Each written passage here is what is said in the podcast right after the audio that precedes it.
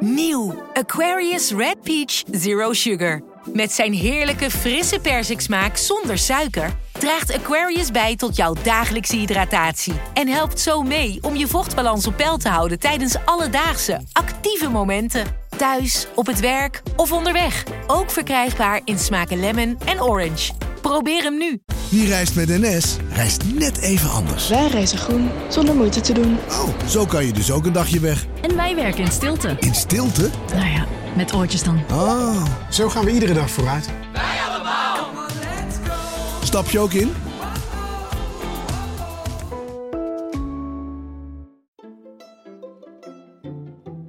Welkom. Wij zijn Onbehaarde Apen. Dit is een podcast van NRC over wetenschap. En je luistert naar de honderdste aflevering. De honderdste aflevering van Onbehaarde Apen dus. In mijn fantasie had dat een spetterende liveshow geweest... waarin we ja, Onbehaarde Apen t-shirts verkochten... waarin boeken werden gesigneerd... waar we in discussie met elkaar raakten... en we met elkaar op de foto gingen. Maar ja, uh, we zitten nu binnen... Uh, op afstand veilig van elkaar. En uh, live shows is iets wat uh, voorlopig nog even niet mogelijk is. En uh, daarom gaan we ja, toch iets anders doen, iets speciaals. Niet zo speciaal als we hadden gewild. Uh, maar deze aflevering gaan we uh, wel alle onbehaarde apenredacteuren die jullie kennen voorbij laten komen. En ze hebben allemaal iets om te vertellen. En nou ja, we zochten naar een rode draad. En de rode draad van 2020 is misschien wel het onverwachte, de verrassing. Want als ik er zelf over nadenk, dan ja, blijf ik het bizar vinden dat iemand die in januari naar de staat van de wereld had gekeken, ja, niet had kunnen voorspellen dat uh, we nu allemaal in onze thuiskantoren waren opgesloten. Eén bolletje RNA met een klein beetje eiwit eromheen heeft ons naar binnen gedrongen. En daar kun je van alles van vinden, maar het is bovenal onverwacht. Nou ja, en als de wetenschap ergens goed in is, dan is dat ook het onverwachte. Want de wetenschap die ja, laat ons waarheden zien waar we zelf niet aan gedacht uh, zouden hebben. Die brengt ons met die wetenschappelijke methode naar plekken die we vooraf niet hadden kunnen zien. Uh, dus we willen, willen het onverwachte eigenlijk gaan ombuigen, niet in de vervelende gevolgen, maar in de inzichten die het onverwachte te bieden heeft. En daarom gaan jullie ja, verschillende redacteuren horen met onverwachte inzichten of ontwikkelingen en ja, hoe die onze kennis hebben verbreed en onze wereld een stukje groter hebben gemaakt. Iedereen zit uh, dus op afstand in een grote teamsvergadering. Dus qua techniek wordt het nog wel een uh, leuke klus om dit uh, allemaal goed te laten verlopen. ik zit hier wel in de studio met Gemma. Hoi, gefeliciteerd met ons jubileum. Jij ook gefeliciteerd Gemma, aap van het eerste uur. Wat hebben we er veel gemaakt hè? Weet je nog waar de eerste over ging, Lucas? de eer allereerste ging over onbehaarde apen zelf. De pilotaflevering over waarom mensen onbehaarde apen zijn. Shit, de pilot. Is dit dan aflevering 101 al? Ja, ik ga niet de discussie over de telling niet opnieuw doen. We zijn ook op halverwege van tellingmethode uh, gewisseld. Um, maar dat, en er zijn, Daar en, hebben we het even niet over. Nee, nee, nee volgens de chronologie is dit gewoon aflevering 100. Wie ook wel wat van chronologieën weet, uh, is uh, Hendrik Spiering, die vanaf uh, thuis ook hier is, aanwezig is eigenlijk op afstand. Ja, live vanaf de zolder. In de geschiedenis werkt het toch zo, als wij zeggen dat het aflevering 100 is, dan is het toch eigenlijk ook zo, als hij zo de geschiedenis ingaat. Ja, want je kan heel goed zeggen dat we bij nul zijn begonnen te tellen. Dus dan is dit aflevering 100. Precies. Dus wij zeggen dat het aflevering 100 is en daarmee is het aflevering 100. Ja, uh, er zijn ontzettend veel jubilea gevierd die niet kloppen. En ik denk dat ons jubileum nu ontzettend klopt. en het, er is een extra reden waarom het mooi is dat dit aflevering 100 is. Omdat we hierna toch in een beetje in zomerslaap uh, gaan. En uh, in september in volle kracht terugkeren. Op naar de volgende 100. Precies. Um, Hendrik, de, alle andere redacteuren zitten dus nog met hun microfoons op stil uh, te wachten. Uh, dus die, die, ga ik zeker het woord geven. Je, je hoort nu alleen nog maar ons drieën, maar uh, dat, dat gaat dus veranderen. Um, Hendrik, jij bent ook de eerste die een onverwacht inzicht heeft meegebracht voor ons. Dus ik wil graag aan jou vragen wat, dat, wat het is en wat ons dat heeft geleerd. Ja, het, was, het is ook eigenlijk een product van de coronatijd. Wij hebben, zoals een hoop luisteraars misschien wel weten, een rubriek Durf te vragen in de bijlage. En die ontstaat meestal door een los gesprek tijdens de wetenschapsvergadering van hebben we nog iets geks wat we niet goed begrijpen. En in coronatijd kwam ineens praten in jezelf aan de orde. Nou, dat zou ik wel even maken. En ik denk, nou ja, dat is natuurlijk, dat is natuurlijk een simpel verhaal. Dus de vraag was precies waarom we in onszelf praten als we in ons eentje zijn. Ja, dat, uh, dat kwam ineens op, omdat we natuurlijk uh, uh, een hoop mensen die zitten alleen thuis en blijken toch tegen zichzelf te gaan praten dan. En ik dacht eigenlijk dat het een vrij recht toe recht aan verhaal was, maar toen belde ik Charles Fernyhough. Dat is een, een Britse psycholoog die daar ook een boekje over heeft geschreven. En toen viel ik eigenlijk in een soort, uh, ja, hoe kun je dat zeggen? De Engels zeggen dan in een rabbit hole van totaal andere inzichten en ook herinneringen aan, aan theorieën waar ik lang geleden wel eens over geschreven had, maar weer totaal vergeten was. En mijn, mijn voordracht voor de verrassing van uh, 2020 is dus een psycholoog die al in 1937 is overleden, een Russische psycholoog. Uh, Lev Vygotsky. En het interessante aan die man is dat hij uh, na zijn dood aan tuberculose zijn ideeën door Stalin uh, zijn verboden. En eigenlijk pas in de jaren 60, 70, eigenlijk pas in de jaren 80 in het Westen goed vertaald is. En een enorme revolutie heeft veroorzaakt. En dan kom ik op dat praten tegen jezelf. Dat hij zijn kernidee is. Want ik zou, we zouden er een hele podcast over kunnen doen. Zijn kernidee is dat je. Hij heeft heel veel kinderen bestudeerd, eigenlijk een ontwikkelingspsycholoog. Zijn kernidee is dat je door dingen te doen tot begrip komt. En uh, dat geldt dus ook voor dat praten in jezelf. Je praat in jezelf een soort hardop denken. En zijn basistheorie, die nog, ja, dat, dat je zei net van uh, dat wetenschap waarheid biedt die ons verrast. Ik zou zeggen, mogelijk ware inzichten biedt die ons verrassen. Wetenschap als een soort richtingaanwijzer. Ja, want het, er komt altijd weer een nieuw, uh, nieuw experiment wat het in uh, ander licht zet. Maar zijn idee was dat je dus uh, dat kinderen beginnen te praten tegen zichzelf, omdat ze dat gewend zijn in de sociale omgang om ook tegen anderen te praten. En dan, waarom zou je dan niet tegen jezelf praten? En uit dat, dat is dan de verrassing, vond ik. Dat was, dat een ontzettend interessant inzicht. Dat ons denken dus die stem binnenin, dat je denkt van, uh, zal ik nu een half brood kopen of een heel? Of uh, weet je, dat soort overlegssituaties, uh, je innerlijke teamsvergadering. Dat ontstaat eigenlijk als je een jaar of drie, vier, vijf bent, uit die tegen jezelf praten. En voor kinderen is er niet zoveel onderscheid dus of ze nou tegen ja, iemand in, in de ruimte praten of, of tegen zichzelf. Kun je dat, kun je dat al zeggen? Nou, uh, je kan heel goed zeggen dat het, het, het door het praten en het communiceren ontstaat ook het ego. Dat je dus een, een, een, een subject bent wat tegen een ander subject uh, praat. En dan realiseer je langzaam, dat gebeurt zo ongeveer in het derde jaar. Dan beginnen kinderen een beetje te praten. Ze praten daarvoor soms natuurlijk ook al wel. Weet je, het is altijd een geleidelijk proces. En dan dan ontstaat ook zeg maar een soort samenballend punt. Maar dan leert een kind. In de geest. Dan leert een kind dus pas nadenken. Nadat hij eerst een beetje zo hardop aan het brabbelen is en uh, monologen houdt. Ja, dat, dat, dat zou je wel kunnen zeggen. Het zijn grote woorden, maar het, het klopt wel ongeveer. Want uh, bijvoorbeeld de autobiografische herinnering. Je oudste herinnering. Hebben we ook wel eens een podcast over gemaakt, volgens mij. Die, die begint eigenlijk ook zo rond het tweede, derde jaar veel verder gaat het niet terug. En het is een raadsel waarom dat zo is. Omdat als je een kind van één of van anderhalf zegt: je krijgt dadelijk een banaan. Nou, dan weet hij echt wel dat hij. Dat is hij niet vergeten daarna. Dan zegt hij: Nou, ik zou toch een banaan krijgen, bij wijze van spreken. Dus dat komt omdat die autobiografische herinneringen. die moeten verbonden zijn met een soort samenballend ego. waar alles als subject aan kan hangen. En je hoort nu al wel waarom ik Lev Vygotsky heb voorgedragen. Want als je eenmaal begint, je komt op de gekste punten uit. Maar misschien is wel het meest onverwachte is dat dit uh, oorspronkelijke idee eigenlijk bijna 40 jaar op de plank heeft gelegen voordat het uh, eigenlijk ingang vond in de bredere wetenschap. Ja, en het is nog steeds uh, een, een, een, een groeiend inzicht in hoe de mens werkt. En Vygotsky staat natuurlijk maar aan het begin daarvan. En het is ook zo'n tragische figuur, omdat hij op zijn 37ste aan tuberculose is overleden.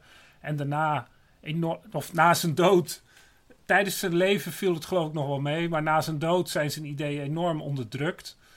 En eh, ja, dus het is iedere keer weer een ontdekking, vind ik. De, hoe, hoe die man allemaal dat eh, bedacht heeft. We zijn dus wel hardop weer gaan praten tijdens de coronacrisis. Dat is waarschijnlijk ook omdat we behoefte hebben aan wat stemgeluid. Maar wat vertelde jij dan allemaal hardop tegen jezelf in die tijd? Nou, ik ben niet echt een prater in, je, in mezelf. Maar wat, ik, wat me wel opvalt is dat je dan zegt van... Nou, waar is dat potlood? Of weet je, eh, je omdat je alleen bent, heb je ook minder gêne om uh, in jezelf te praten. Want zoals die uh, Charles Fernio ook zei, ja, het, er is ergens in de 19e eeuw het idee ontstaan dat uh, praten in jezelf het begin van waanzin is. en dat, dat dempt het allemaal een beetje. Maar praten in jezelf is heel normaal en iedereen doet het. Dankjewel, ja. Hendrik. Dan gaan we nu door naar onze medisch redacteur ja, Sander Voormolen. En jij hebt een onverwacht inzicht meegenomen uit de biotechnologie. Ja, dat klopt. Ja. Uh, dat gaat over de tweede kans voor uh, uh, gentherapie. Gentherapie wil zeggen dat je dus ja, een, een, ziekte aan, aan je DNA repareert. En ja, dat was in de jaren negentig al geprobeerd, maar dat was vrij rampzalig uitgepakt. En nu is er een nieuwe ontdekking, namelijk CRISPR-Cas. En daarmee kun je heel precies veranderingen in het DNA aanbrengen. En dus ook in de, het menselijk DNA. En het onverwachte zit er eigenlijk in dat ja, de gentherapie wel geprobeerd werd. En eigenlijk herinner ik me ook uit mijn studietijd nog wel ook weer een beetje ja, was afgeschreven. Het, het viel een beetje tegen hoe moeilijk het was. En ja, waar de beloften eerst heel groot leken, dat je inderdaad erfelijke ziekte kon gaan genezen. Ja, bleek dat het in de praktijk veel moeilijker was. Ja, klopt, ja. ja. En uh, ja, de, het, was, het bleek heel erg moeilijk om, om precies uh, het juiste gen op de juiste plek te krijgen. En ja, dat, dat viel dus toch heel erg tegen wat je daarmee kon doen. Terwijl iedereen had verwacht dat je erfelijke ziekte op deze manier kon oplossen. En dan is er ineens, je zegt het al, CRISPR-Cas. Waar komt dat dan vandaan? Dat is een, een, ja, eigenlijk een soort mechanisme van een bacterie om, om vreemde virussen eruit te wippen. En die bacterie heeft een soort interne afweer. Die herkent dus de, de, de volgorde van het virus en die gooit die onmiddellijk eruit en knipt die in stukken. En als je dat dan gebruikt als gereedschap, dan kun je dus heel precies uh, een, een gen wat er, eh, waar, waar een fout in zit, kun je de fout eruit halen en, er een ander stukje voor in de plaats zetten of uh, het zodanig aan elkaar zetten dat het wel weer werkt.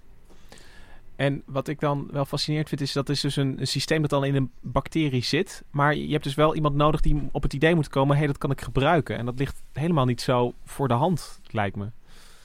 Nee, nee, nee. Dat is dus eigenlijk de grote ontdekking.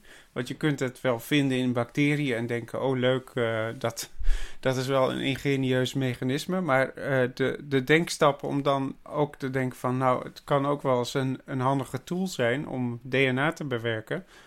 Dat was de echte doorbraak natuurlijk. Een van de ontdekkers van, uh, van die CRISPR-Cas-techniek is Jennifer Doudna, een Amerikaanse. Uh, die heb ik uh, vier jaar geleden geïnterviewd hier in Amsterdam. Ik heb een fragment genomen, uh, meegenomen van Jennifer Doudna. in een radio-interview vertelt ze wat CRISPR-Cas kan betekenen voor gentherapie. En dat deed ze voor de lokale omroep van San Diego, KBPS. What I'm excited about is the opportunity to cure genetic diseases, things like sickle cell anemia or Huntington's disease. Potentially in the future something like cystic fibrosis. These are all diseases that have well known single genetic causes, single genes that affect the patient. And what CRISPR technology does is to provide a strategy for correcting or at least mitigating those disease causing mutations. And that's not a, not a fantasy. It's not you know 200 years in the future. It's something that I think over the next decade we will see those kinds of cures coming to fruition. Nou, je ziet nu al dat ze echt al bezig zijn met, uh, met uh, klinische proeven om dit te doen. Maar uh, ja, dat is natuurlijk altijd nog wel een hele risicovolle weg. Want een, een andere Amerikaanse onderzoeker die zei in Nature vorige maand nog van ja, als je dus gentherapie hebt, of dit nou met CRISPR is of de oude techniek, dat maakt eigenlijk niet zoveel uit. Het is altijd uh, te vergelijken met uh, bemande ruimtevaart ten opzichte van een gewone lijnvlucht. Er zitten enorm veel risico's aan, altijd. Denk jij nou, Sander, als je ja, CRISPR-Cas afzet tegen die eerdere generatie gentherapieën die we op hebben zien komen in de jaren 90, dat dit ook uiteindelijk echt gebruikt gaat worden. En dat, uh, ja, dat we echt kunnen gaan sleutelen aan uh, DNA en op die manier erfelijke ziekte de wereld uit dat kunnen klopt.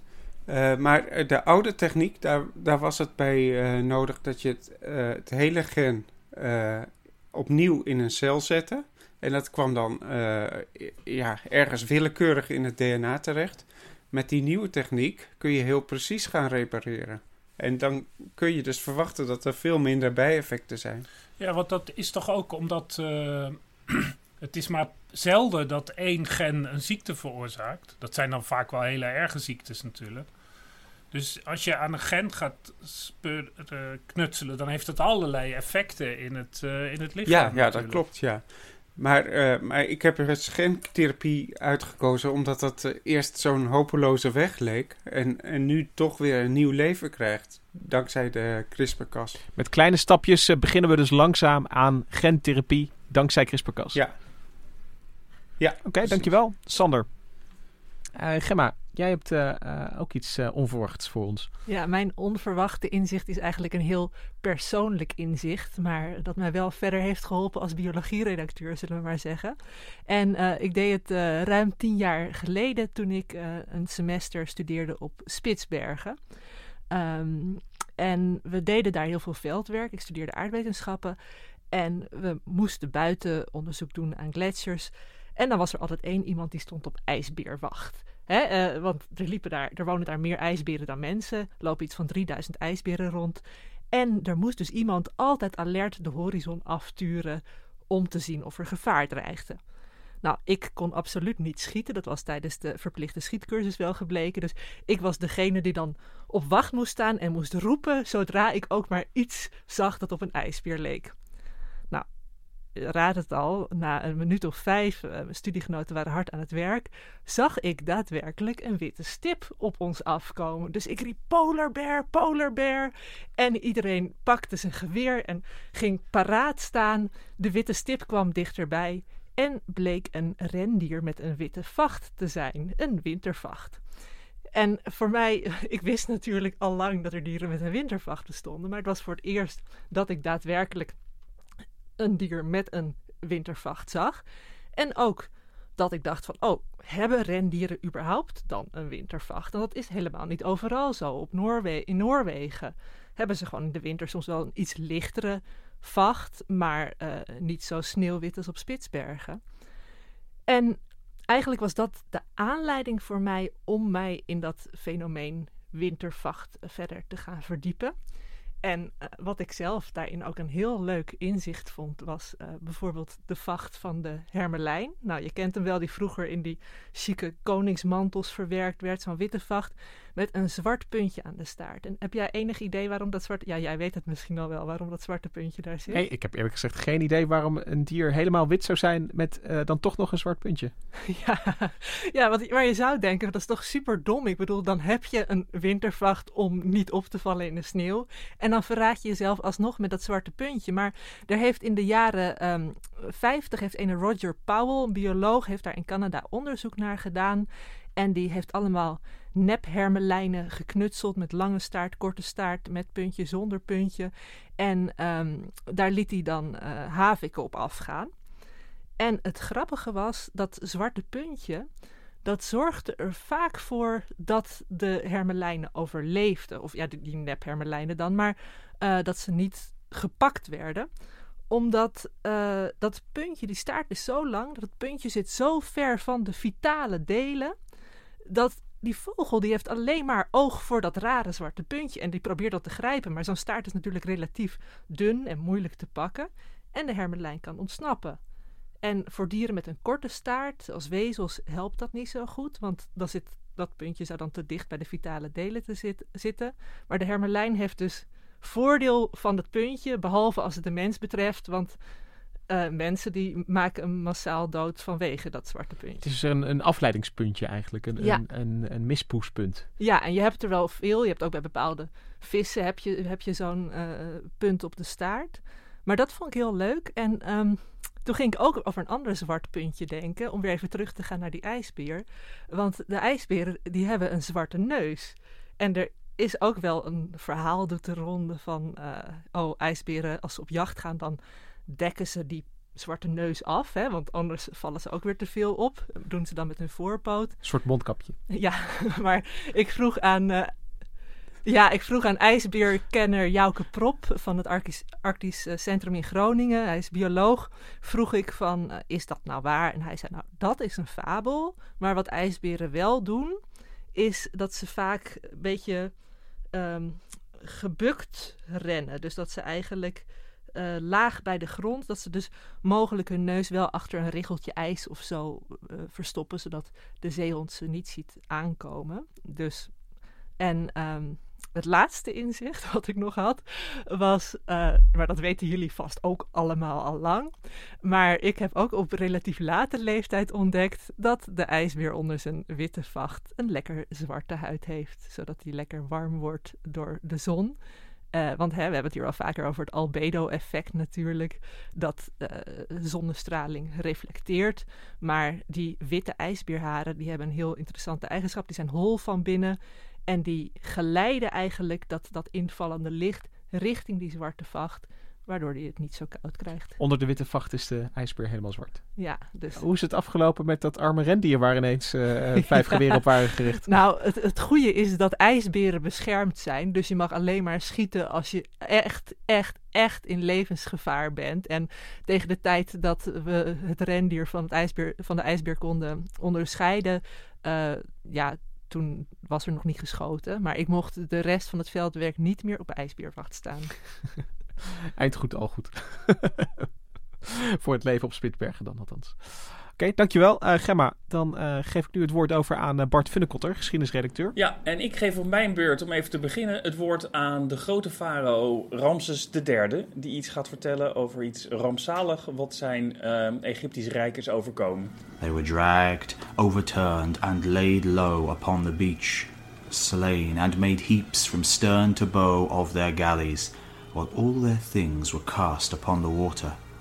Then I turned back the waters in remembrance of Egypt. Wat jullie hoorden uh, waren woorden die zouden zijn uitgesproken door uh, farao Ramses III. Ze staan op een, uh, op een tempelcomplex, het, het tempelcomplex van Medinet Habu.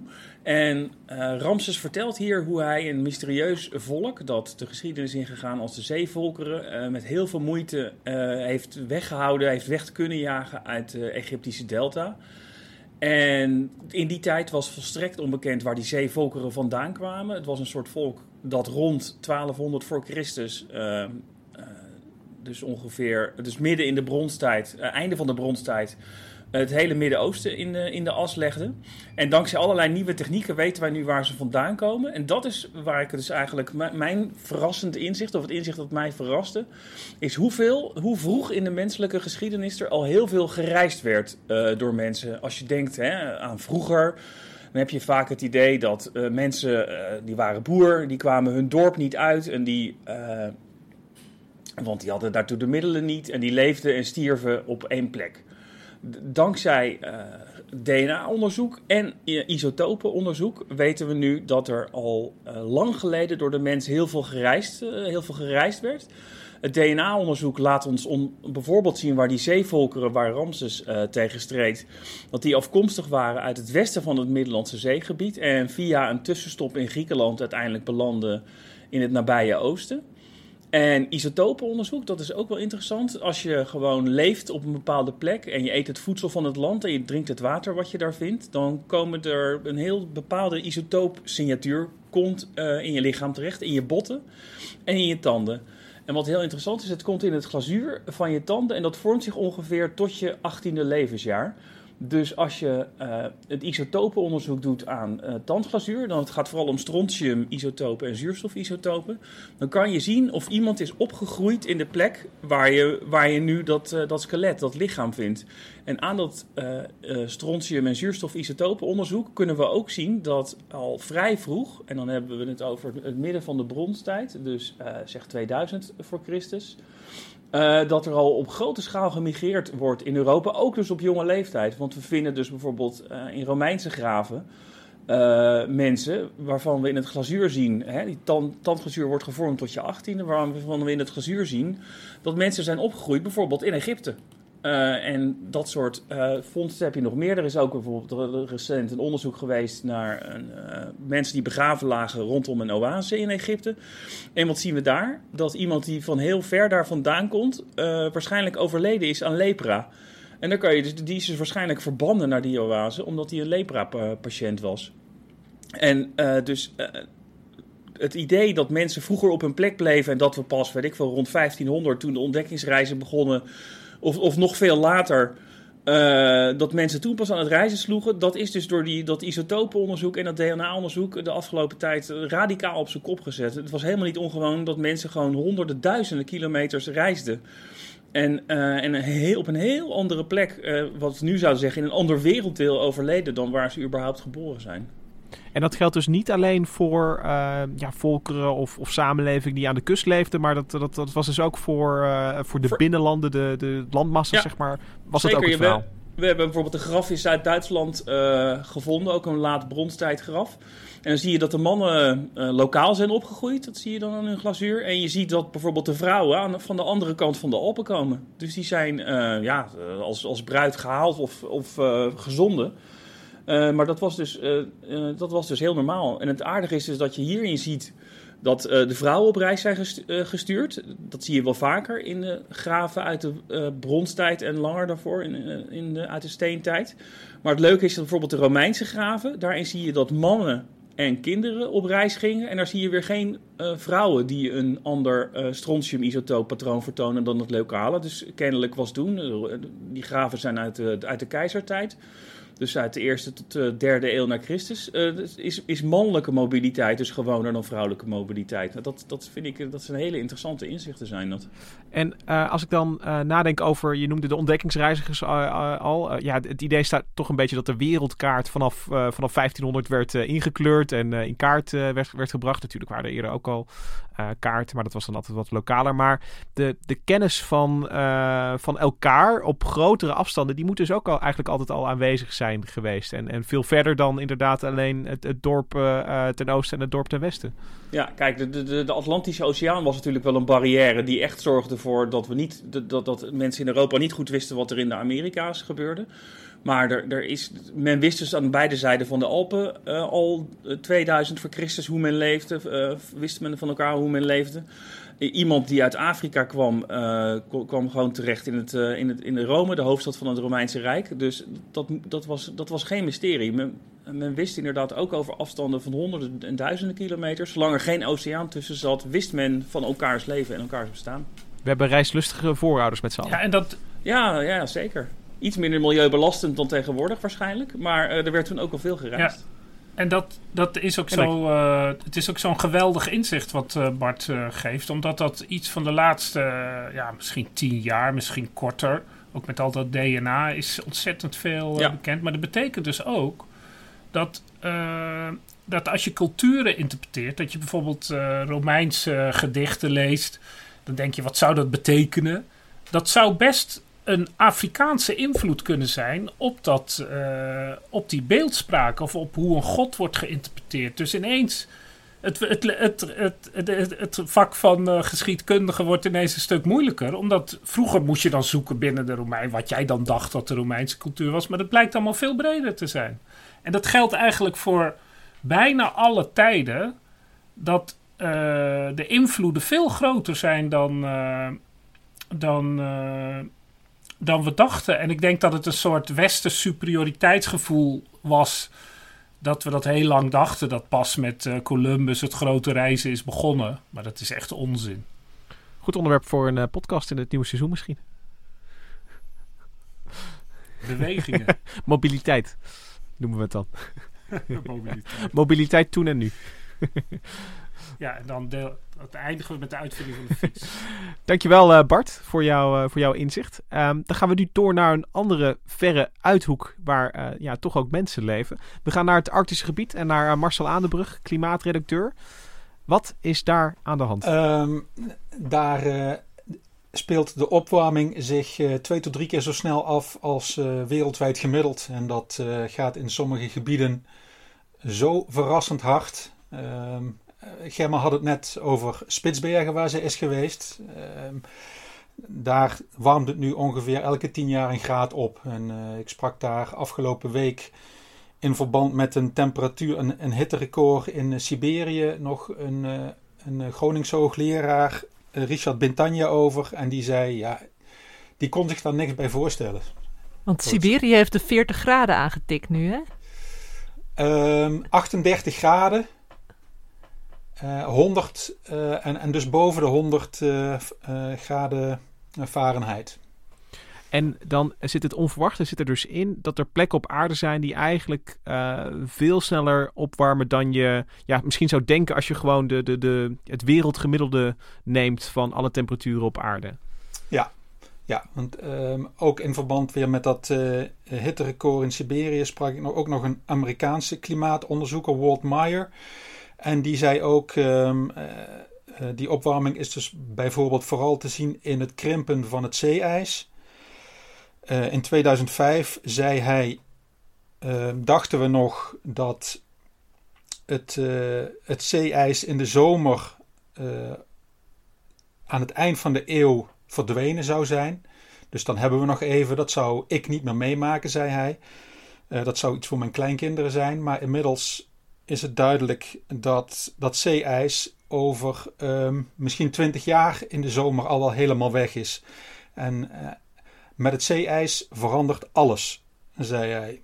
En dan heb je het over uh, economische bewegingen, uh, vaarroutes, het winnen van olie, gas, mineralen, noem maar op, maar ook de ecologie. Ehm, die zal ook, dat zie je nu al, zo snel veranderen. En en wat ik me dan afvraag is, is van, heeft dat dan te maken met, uh, je hebt bepaalde feedback systemen, dat het zo veel sneller um, uit de hand loopt dan, uh, dan je gewoon zou verwachten op, op grond van de basismodellen? Of waar zit dan die, ja, die onderschatting eigenlijk in? Ja, dus uh, de klimaatmodellen die zijn wel beter geworden, maar ze nemen nog steeds niet alle, alle processen mee. Ook daar zitten allerlei onverwachte dingen in. Maar het basisprincipe is zeeijs um, is, uh, reflecteert het zonlicht. Zeeijs maakt plaats. Dan komt het water uh, uh, zichtbaar en het water is donkerder en absorbeert meer warmte en versnelt de opwarming ook nog eens. En je hebt natuurlijk ook de permafrostdooi in dat hele Siberische gebied. Absoluut, ja. Ook dat zie je dus. Uh, de permafrost dooit aan de kust is de, kusterosie die gaat uh, veel sneller dan voorheen. Uh, plaatjes die, uh, ja, bedoel, infrastructuur zakt weg. De, de, de, de grote olielekkage onlangs in, eh, dat was in Norilsk. Die heeft daar vermoedelijk ook mee te maken gehad. Dat die bodem ehm, zo zacht wordt, omdat die aan het ontdooien is. Dat er nou ja, huizen wegzakken, infrastructuur. Dorpen moeten, uh, hele dorpen maar, moeten gewoon verplaatst uh, worden. Die permafrost die hield dan zeg maar uh, als een soort koelkast dat gebied koud. Omdat het altijd meer energie kost om iets te ontdooien of zo. Terwijl nu is het weg. Ja, de, de, de, de grond was, was bevroren. En die grond, die on, omdat het warmer wordt, ontdooit die steeds dieper.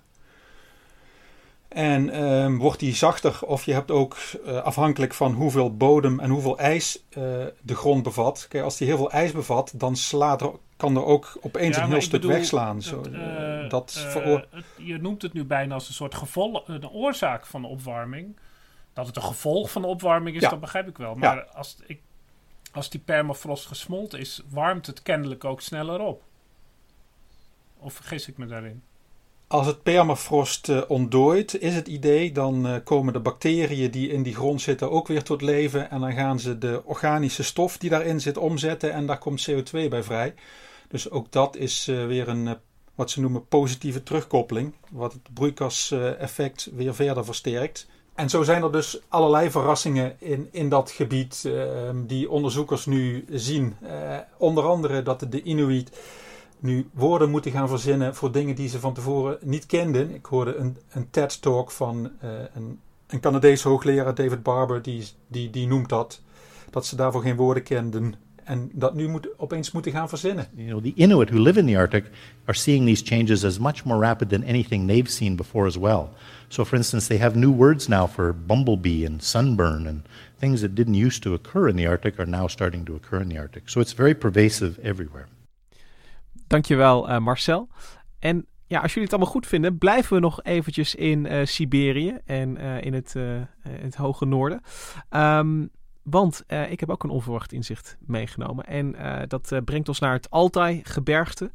En zoals heel veel plekken op de aarde heb je daar grotten die door mensachtigen bewoond zijn. En nou ja, veel van die resten daar, ja, die, die, die kun je in kaart brengen en die kun je registreren. En uh, nou ja, dat is allemaal hele degelijke wetenschap. Maar daar ja, leer je niet altijd heel veel van. Sommige botten zijn ook te klein of te vergruist. Die zijn door uh, hyena's fijn geknauwd. En uh, dan, dan heb je er ja, niet zo heel veel meer aan. En nou ja, dat leek ook heel erg lang het lot van een vingerkootje uit een pink dat daar gevonden werd. Dat is al in 1983 ontdekt door Russische archeologen. Um, maar ja, dat is dan één vingerkootje. En, en uh, uh, ja, dat, dat, kun je, dat is te klein. Zo groot als een rozijntje ongeveer. Dat, ja, dat kun je ook niet toeschrijven aan een uh, specifieke mensensoort. Hendrik? Nee? Volgens mij is het wat groter. Een rozijntje is wel heel klein. Het was van een 30 jaar... Een, een, een, een, pink, een, een coach uit de pink van een 13-jarig meisje. Uiteindelijk.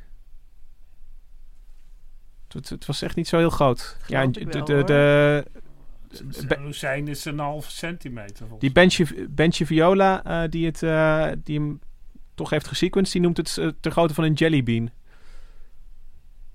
Ja, daar vind ik rozijntje ook wel mogen. Oké, okay, sorry, ik, ik zet mijn microfoon gewoon uit. ik zat in mezelf te praten, mensen. En dat is natuurlijk helemaal geen groot bot, zo'n zo'n vingercoachje. Daar kun je ook niet zo heel veel van leren. Het is zelfs heel erg moeilijk om dat aan een soort toe te schrijven. Dus ja, dan kom je uiteindelijk maar met de conclusie dat het van een mensachtige is. En dat is het dan. Um, maar in uh, 2010, 2011 werd het mogelijk om DNA te halen uit dit soort fossielen. En uh, ja, die DNA-volgorde te reconstrueren. En dat is dus gedaan met dit vingercoachje. En uh, ja, eigenlijk de stand van zaken in 2010, 2011 was dat er maar eigenlijk twee kandidaten konden zijn hè, om zo'n, zo'n, daar een, een bot achter te laten. En dat was Homo sapiens of de Neandertaler. En toen ging dat DNA, ging de sequencer in. En er kwam toch iets uit terug wat niet op een van die twee soorten leek. Dus door dat DNA-onderzoek kwam, uh, kwamen genetici van het Max Planck Instituut er eigenlijk achter dat dit om een ja, toch een nieuwe menssoort ging. Uh, die menssoort die kennen we nu als de Denisova-mens. Naar de grot, de Denisova-grot, waar dat vingerkootje is gevonden. maar de, de genetische uh, het, het de genetische signatuur was zo anders. Uh, dat we dus ineens op basis van ja, dat DNA-onderzoek moeten concluderen dat daar een populatie mensachtige leefde die we helemaal niet kenden. En dat was eigenlijk een startschot voor ja, nog veel meer onderzoek en inzichten daarin. Want die, uh, ja, die Denisova-mensen, die blijkt je nu ten dele nog genen van terug te vinden bij bewoners van Papua-Guinea, bij Aboriginals. Want wanneer leefden ze? Die ja, het is het idee dat ze ongeveer 400.000 jaar geleden nog een voorouder deelden met Neandertalers. Uh, en uh, ja, ze leefden ongeveer tot 50, 60.000 jaar geleden. In ieder geval in Siberië lijkt het. En um, nou ja, maar de, de, de, genetische analyse van dat vingercoachen, die leidde ertoe dus dat je die invloed bijvoorbeeld op aboriginals en mensen uit Papua nog kan, kan herkennen. En een van de leuke inzichten is bijvoorbeeld dat uh, uh, in Tibet kun je bepaalde, uh, hebben mensen bepaalde genvarianten ja, die ze in staat stellen om op grote hoogte nog zonder, zonder zuurstoftekort daar te kunnen blijven ademen. En die hebben ze te danken aan die Denisova mensen. dus het, het is niet Tegen zomaar... de anti-hoogteziekte, zeg maar. Ja, En dat is dus niet zomaar een, een, een, uh, een populatie mensen die verdwenen is in de tijd. Maar ze hebben gewoon nog uh, ja, een genetische invloed op de mensen van vandaag. En uh, het, het, leuke vind ik hier is dat de paleontologie dus nu ja, de andere kant op werkt. Want ze moeten nu eigenlijk op zoek naar de botten van een mensensoort die we nog niet kenden. En Hendrik, jij hebt onlangs nog geschreven over een kaak die in, in Tibet werd gevonden. Op grote afstand ja. van die god in het Siberische gebergte. Ja, en dat is dan weer eigenlijk een, weer een nieuwe revolutie. Want daar konden ze geen DNA uithalen, maar konden ze wel weer eiwitten uit isoleren. En die eiwitten die pasten dan weer op dat genoom wat ze uit dat vingercoach en ook een aantal andere botten, want sindsdien is er wel meer uh, teruggevonden van die uh, Denisova-mens. Maar allemaal in die grot in, in Siberië. Maar nu blijkt er dus een kaak, een flinke kaak, die ook weer eigen kenmerken heeft. Waar ze, en dan, ja, weet je, zo wordt langzaam dat skelet langzaam opgebouwd. Volgens mij hadden we toen als, in de krant als kop: Denisova krijgt een gezicht. Nou ja, een kaak dan. Ja, dat is een deel van het gezicht, zou je kunnen zeggen. Ja, en, en uh, er zijn ook allerlei uh, schedels die heel zwaar zijn uitgevoerd in China van 100.000 jaar oud. Waarvan ze nu denken, ja, dat zou wel eens Denisova kunnen zijn. Alleen, dat weten we niet, omdat dat DNA er nog niet uit geïsoleerd is. Dat is altijd een hoop gedoe. En het was het voordeel van Siberië dat het daar in ieder geval tot voor kort koud genoeg was om DNA goed, goed te houden. We moeten ja, maar we een bruggetje kunnen maken. Ik maakte ook een bruggetje. Het Arctische blokje. maar is er nu, uh, verwachten jullie dat er met behulp van het DNA-onderzoek nog meer mensen worden, menssoorten worden ontdekt, mensachtigen? Het, uh, je hebt die koude plekken heb je dus wel nodig. Dus dat is maar de vraag of dat gaat lukken. Want in, in Zuid-Afrika kwamen we ook die hele interessante Homo naledi, die ook niet super oud is, kwamen ineens tevoorschijn. Uh, alleen je zit dan met het klimaat. Dat is dan weer net niet zo gunstig uh, om DNA te behouden als, uh, als in Siberië. Dus je moet wel een, een goede omstandigheden hebben. Weet je, de goede plek en de goede tijd om dat DNA terug te kunnen, kunnen vinden. Ja, want je, ze hebben nu op de Filipijnen ook weer zo'n dwergmensje gevonden een paar jaar geleden. Dus ja, er komt wel van alles tevoorschijn. Maar dat DNA lijkt toch vooral uit het noorden te komen. Het leuke vind ik is dat met dat DNA-onderzoek hebben we dus ja, onverwacht, gratis en voor niets een, ineens een nieuwe soort erbij uh, gekregen. Waar we anders, anders was dat die discussie heel anders gelopen. Dus ik, ik vond dit een heel mooi voorbeeld van een techniek die zeg maar ja, onze, onze inzichten weer, moet, weer doet bijsturen. Een ander verschuivend inzicht dat gaat over hoe de continenten op onze, over onze aarde bewegen. En uh, techniekredacteur Laura Wismans, jij gaat ons even vertellen hoe dat ook alweer is gegaan. Want dat accepteren we nu eigenlijk als ja, een vaststaande waarheid. Hoe konden we daar ooit aan twijfelen? Maar nog niet zo lang geleden zat dat eigenlijk uh, heel anders. Hoe zat dat ook alweer? Ja, klopt. Toen ik op zoek ging naar uh, ja, een, een, verrassende ontdekking voor in deze podcast, um, gooide ik hem even in de groep uh, thuis. En, iedereen, en, en, daar werd gezegd, ja, uh, wat eigenlijk nog maar verrassend kort uh, aangenomen wordt, is dat de continenten op drift zijn, zoals dat dan heet. En verrassend kort, verrassend kort, dacht ik. Um, nou, dat is dus pas sinds eind jaren 60 en nou, eigenlijk pas echt in de jaren 70 uh, ja, helemaal aanvaard. Terwijl ja, iedereen die al uh, nou, eigenlijk al vanaf de 16e eeuw naar uh, de kaart van de wereld kijkt, die zou toch moeten kunnen denken: wat opvallend dat, nou ja, ik denk meest in het oog springend, het Afrikaanse continent en het Zuid-Amerikaanse continent zo goed in elkaar passen. Dat kan toch geen toeval zijn? Uh, nou, dat is dus op zich ook al, uh, die theorie is al veel langer bekend, maar omdat het mechanisme maar niet werd begrepen, werd ook die theorie niet aangenomen. En dat vond ik een heel mooi verhaal voor deze podcast. Dat, kijk, aan alle kanten, er zijn overeenkomstige fossielen gevonden, het landschap lijkt wel van elkaar afgescheurd, zo opvallend dat het... Um, allemaal op elkaar lijkt. Je denkt over, overtuigend bewijs. Er is zo ontzettend veel waaraan je kan zien dat um, ja, de, de continenten ooit aan elkaar vastzaten. Um, en de, um, nou ja, de vader van de continententheorie, of de, de, de platentectoniek, is uh, Alfred Wegener. Dat is een uh, Duitse meteoroloog en aardwetenschapper. En hij heeft het idee van die uh, platentectoniek um, rond ja, begin 1900, 1910, voor het eerst opgeschreven. Maar hij werd echt weggehoond. Nou ja, en als je nu kijkt naar wat hij toen opschreef, denk je ja. De, logisch. Um, ja, dat vond ik een, uh, een, mooi verrassend inzicht. Maar wat er dus miste eigenlijk voor Wegener, waar, waardoor hij eigenlijk uiteindelijk met lege handen stond, was dat hij niet uh, uh, het mechanisme kon, kon geven hoe het dan kan dat, een, dat twee continenten uit elkaar scheuren. Nee, klopt. Er was, um, uh, hij zei toen nog dat uh, de continenten door de oceanen zouden hebben geploegd. Dat was toen een beetje wat hij, uh, wat hij zei. Um, of dat ze er overheen hadden ge, ja, gezweefd. Um, maar ja, dat, dat, dat kon gewoon niet aangenomen worden. En daar hadden ze uiteindelijk ook gelijk in. Uh, maar het, de critici dus. Uh, maar hij zei al wel van ja, de continenten die bewegen. Kom op jongens, de, wordt, uh, ze, zijn aan de wandel. En, ehm, maar ja, het werd gewoon niet geaccepteerd. Arme man. En wat veranderde dan in de jaren 50 of 60 dat dat, dat, dat toch...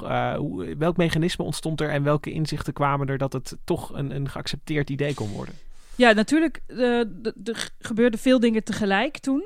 Um, misschien wel het opvallend is dat uh, er veel meer oceanisch onderzoek plaatsvond. Um, ik las ergens dat uh, de platentectoniek of de theorie van platentectoniek een kind van de Koude Oorlog is. Um, want er werd uh, ja, heel veel, ook met onderzeeërs en, en dergelijke gevaren. En daardoor was meer kennis van de oceaan heel erg nodig.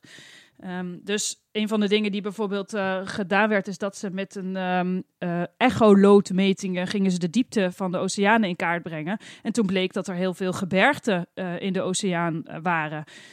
tegelijkertijd, of parallel daar een beetje aan, kwam paleomagnetisch onderzoek op. Uh, dus dat uh, houdt in dat ze de, het, het, magneetveld van de aarde onderzochten en in kaart uh, brachten. Niet per se meteen op de oceaanbodem, maar eerst op de continenten. Um, er werden ja, in gesteente werd, uit, werd, werd, werd weet dat, aangetoond dat um, hoe, hoe, op het moment van stollen het, de magnetische deeltjes in die gesteente de kant van de polen op gingen liggen. Nou, en die, die, die lagen niet overal op dezelfde plek. Dus op de continenten hadden ze al door van... hé, hey, dit kan niet helemaal kloppen. Dit, dit is, uh, je zou verwachten dat uh, ze op dezelfde plekken ook... Uh, of op verschillende plekken dezelfde kant op zouden liggen. En dat was niet helemaal zo. Nou, en gecombineerd dus steeds meer kennis van de oceanen, dat daar uh, bergen lagen. Op een gegeven moment zijn ze erachter gekomen van, hé, hey, um, het paleomagnetisch veld van de oceanen, dat heeft zich als een soort zebra-patroon steeds uh, uh, omgekeerd. Nou, en dat um, vanaf, even kijken, ik heb, het, ik heb het natuurlijk opgeschreven, maar dat was eind jaren 60, werd, werd ineens al die, die linkjes met elkaar gelegd. Van hé, hey, dit, dit past in elkaar. En is het dus niet zo dat de, oceaan, of dat de continenten zomaar door de oceanen ploegen. Maar de oceanen die worden steeds verder uit elkaar gedreven. En daarmee ook de uh, continenten. Um, ja. ja. En ze duiken tegelijkertijd ook onder. Want dat was ook nog een tijdje zoiets van... ja, als er een nieuwe korst bij komt... van hoe komt het dan dat de aarde niet steeds verder uitdijt? Ja, ja uh, klopt. Maar dat je het ook ergens laten, al die ja, nieuw precies. Dat, dat, dat, zijn de zogeheten subductiezones, waarbij uh, die zwaardere oceanische korst dan weer onder de continentale korst duikt. Ja, dat was eigenlijk een van de laatste puzzelstukjes, die subductie. Dat uh, echt pas eind jaren zestig uh, werd, dat, werd die term ook gemunt. En uh, ja, pas toen dat uh, ook nog ontdekt was, toen was eigenlijk het plaatje compleet. Dus eigenlijk is de, de les van Wegener is dat je ja, nog zo'n briljant inzicht kan hebben en nog zo'n visionair kan zijn. Maar uh, in de wetenschap heb je toch, toch meer nodig om dan je, je vakbroeders en zusters te overtuigen. Ja, dus je moet het mechanisme kunnen beschrijven. Dat was gewoon het probleem. Die Wegener had ontzettend veel bewijs. Het was, en, en, en nu denk je ook, ja, hoezo was dat bewijs nog niet genoeg? Maar omdat ze niet begrepen hoe het dan was gekomen ehm, werd het niet aanvaard. En op het moment, zodra dat wel duidelijk was, werd het ineens ook heel erg omarmd. Dus dat is dan weer de treurigheid van Wegener. Hij is overleden op Groenland uh, toen hij op excursie was, om, uh, of expeditie was, om meer bewijs te gaan verzamelen. Um, ja, dat heeft hij dus nooit meer mee mogen maken. Hij is best wel jong uh, overleden, volgens mij, toen hij net 50 was.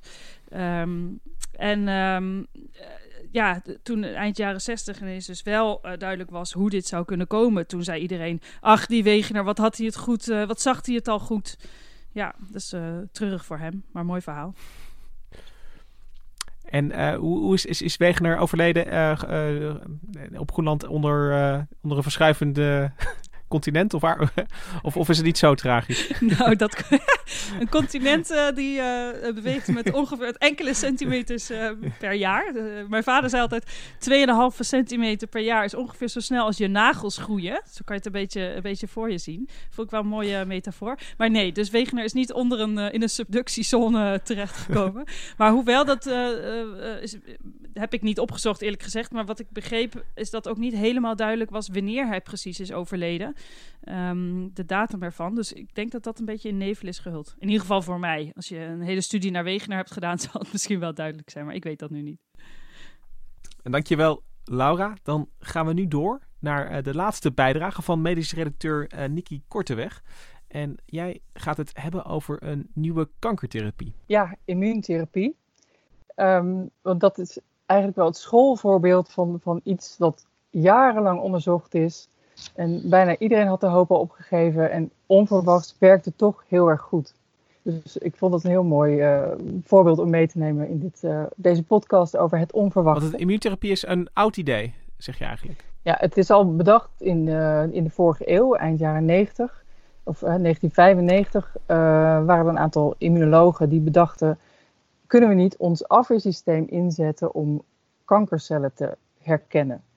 Uh, en ons afweersysteem dat is er eigenlijk op gebouwd om ziekteverwekkers in ons lichaam te detecteren en dan de cellen die daarmee besmet zijn kapot te maken. Uh, en dat, dat doet het eigenlijk op een hele ingenieuze manier. En die hebben ze dus weten in te zetten om kankercellen te herkennen en die kapot te maken. En dat, dat klonk als een fantastisch idee. En uh, aanvankelijk leken die proeven in de, in, de, in de bakjes en de reageerbuizen ook veelbelovend. Maar het was heel moeilijk om dat aan de praat te krijgen. En het kankeronderzoek was vooral gericht op DNA-mutaties, dus verandering in DNA, waardoor zo'n kankercel ongebreideld gaat groeien. En ja, er waren eigenlijk steeds minder mensen die, die, die daar iets in zagen. Die, ze vonden eigenlijk die immunologen een beetje een, een droom hadden die toch nooit uit zou komen. Maar dat onderzoek is doorgegaan en doorgegaan. En uiteindelijk is daar wel een, een uh, hele goede therapie uitgekomen. Waar zelfs twee jaar geleden de Nobelprijs voor is uitgereikt. En ik heb een fragment meegenomen ook van een van de twee. We know now that uh, based on studies of thousands of patients that have been treated, that about one in four, one in five that get a single treatment will be alive 10 years later. I mean, they're basically effectively cured. One of whom I met later she said, I'll, I'll, do, I'll do anything. I just want to live two, three months to see my son graduate from high school. So I met her 10 years after that when uh, she had, just gotten one dose. She had just come in for her 10th annual checkup. She just hugged me and thanked me, you know, and said she didn't really expect to see her son graduate. Hoorde je Jim Allison van het uh, Anderson Center, uh, Anderson Cancer Center in Texas, uh, over immuuntherapie op patiënten. En hij heeft dus samen, in, samen met uh, Tatsuko Honjo in uh, 2018 de Nobelprijs gekregen hiervoor. En ja, dit is dus, die ontdekking van immuuntherapie is eigenlijk een schoolvoorbeeld van, van iets dat uh, jarenlang fundamenteel onderzoek heeft gekost. En wat uiteindelijk toch tot een hele bruikbare therapie heeft geleid. Wat Sander beschreef met ja, gentherapie en hoe CRISPR-Cas daar uiteindelijk een oplossing in bouwt, was als een soort, ja, een, een onverwachte hoek kwam ineens de, de, het gereedschap wat, wat we achteraf nodig bleken te hebben. Um, maar als ik jou nu hoor vertellen over immuuntherapie, is het meer een kwestie geweest van, ja, doorbuffelen en uh, uh, ja, verder blijven doorwerken tot het eindelijk lukte.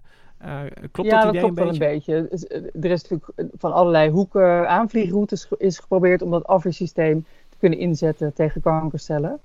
Uh, maar uiteindelijk, uh, de, de, de, behandeling die nu al tot, uh, tot de standaardbehandeling behoort voor twee soorten kankers, dat is de immune checkpoint remmers.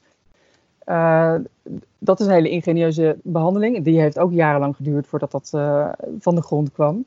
En daarbij wordt gebruik gemaakt van T-cellen. En die T-cellen, dat zijn witte bloedcellen in ons lichaam, afweercellen. En die herkennen cellen als ze geïnfecteerd zijn met een virus of met een bacterie. Zo'n lichaamcel die houdt dan, uh, die presenteert een stukje van het eiwit op zijn buitenkant. En een T-cel herkent dat dan en die vernietigt die cel of die recruteert de rest van het immuunsysteem om die cel kapot te maken. Nou, dat is natuurlijk een heel mooi idee om dan te kijken of dat ook lukt bij kankercellen. Maar kankercellen zijn uiteindelijk uh, onze eigen lichaamcellen die ontspoord zijn. Ja, een van de uh, grote ontdekkingen al is dat die kankercellen, uh, daarbij is het DNA vaak heel erg aangedaan, heel kapot. Hè. Er zijn allerlei mutaties. En daardoor maken ze eiwitten die ook worden herkend als lichaamsvreemd. Dus het afweersysteem kan die kankercellen herkennen.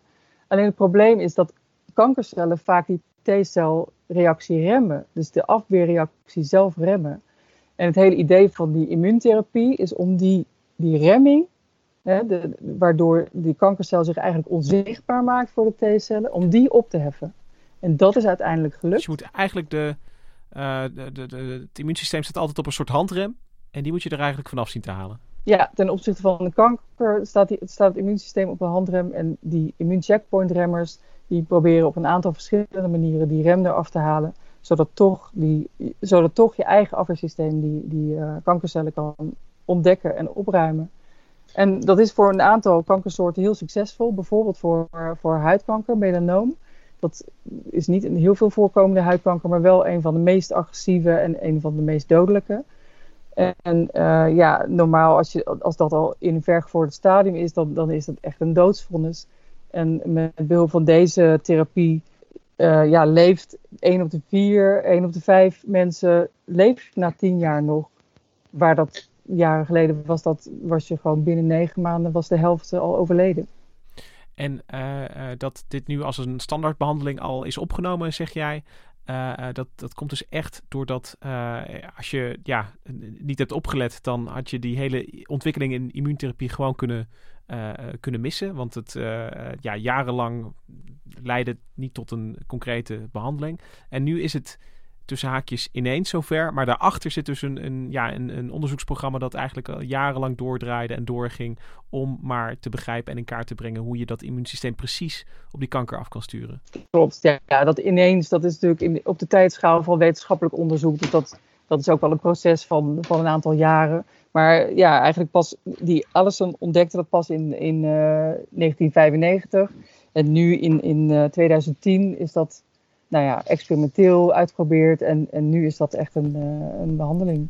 Nicky, heel erg bedankt voor, jou, uh, uh, voor jouw onverwachte inzicht. Dan wil ik eigenlijk nog even met Gemma en Hendrik toch even kijken of we nou een... een uh, ja, het kan altijd een beetje een eclectisch voelen, zo'n gabbelton aan inzichten. maar ik zag toch twee rode draden. De ene was dat er in Siberië verrassend veel nieuwe, nieuwe inzichten te halen zijn in het Arctische gebied.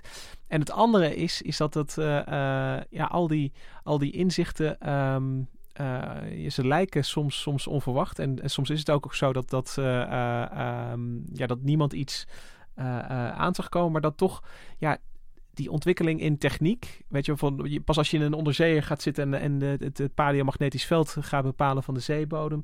Of je stopt een, een verguisd in een, in een DNA-sequencer.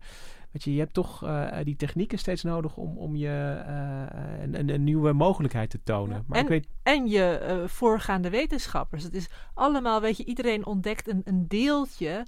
En uiteindelijk wint er soms iemand de Nobelprijs. Maar hè, dat, dat, dat, werd, dat wordt wel vaker ook met die foto van het zwarte gat, werd dat ook weer benadrukt. Van het is toch echt wel samenwerking. En ik bedoel, als Wegener nooit die theorie van hem had geopperd, ja, dan hadden ze er misschien in de Koude Oorlog ook nog weer anders naar gekeken. Uh, ja, want ik vind het ook wel interessant dat er zoveel... Uh, ik uh, kwam met die Lev Vygotsky. we hebben Wegener gezien. nou ja, de jaren negentig is iets minder lang geleden. Maar een hoop van die, van die verrassende inzichten... die nog steeds verrassen, die hebben hele diepe wortels... in, in ideeën die niet doordringen. En het is ook een soort verhaal van de weerstand van de wetenschap tegen vernieuwingen. En dat is ook logisch, want waarom zou je uh, denken dat de continenten verschuiven. Als je geen idee hebt hoe dat kan, dan dat, dat is gewoon heel moeilijk eh, eh, te accepteren. En achteraf kan je dan zeggen, ja, tuurlijk, stom.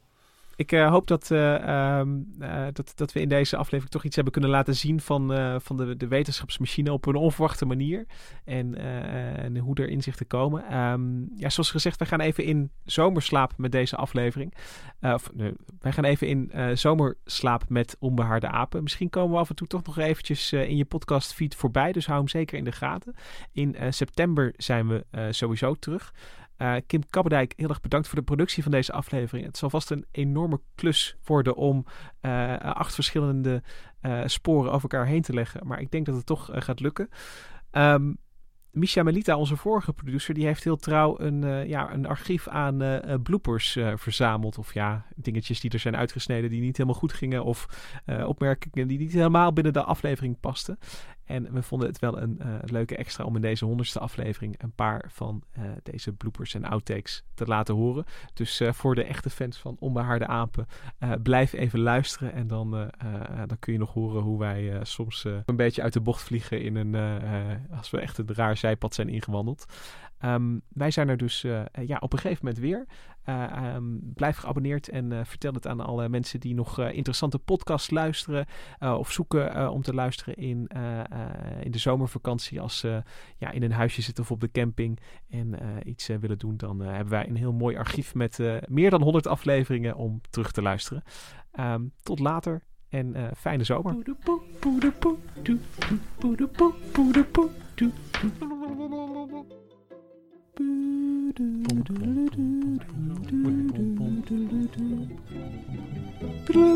Ik hoor niks. En inmiddels is aangeschoven Bart Funnekotter. Hallo. Neem een kerstkantje. Uh, nee, dank je. Oké. Okay. Jij bent uh, uh, geschiedenis... ik weet niet of ik daar nog verder iets interessants over kan zeggen. Misschien... Knip. Knip dat er maar uit. Oh ja, hoe kan ik daar naartoe fietsen, naar die pinda? Ik moet eventjes inkomen hoor. Het is, wel... het is mooi hoor. Nee, dat goed. Niet. Het, uh, ja. Hangen aan je lippen. Het is leuk. Het heel goed. Baby's zijn ook uh, veel kleiner dan gewone mensen die, uh, die over straat lopen. ja, werk zeker voor de wetenschapsredactie. echt veel kleiner. Dat wordt vaak over het hoofd gezien. Ja, maar het kan zomaar een factor 10 ja, schelen. Je kunt er ook zomaar op gaan staan. ik ken baby's, lopen rond. Enorme baby's. Uh. Je loopt ze omver en dan mensen maken zich zorgen. Waar moet ik antwoord geven? Nou, gewoon iets. um, een paar keer per jaar kun je in het uh, Natuurhistorisch Museum in Londen... Gemma hier. Dacht als het druk was... Gemma, wat doe je nu? Zei ik ja. weer verkeerd. Ja. Nog één. Moet het echt nog? Ik ja, voor deze e ja, alleen, alleen voor deze ene keer sluiten we af. En jij moet de Griekse doodles ja. nog noemen. Dat vind ik een mooie conclusie aan het eind van... Uh... Nee? Nee. Oh?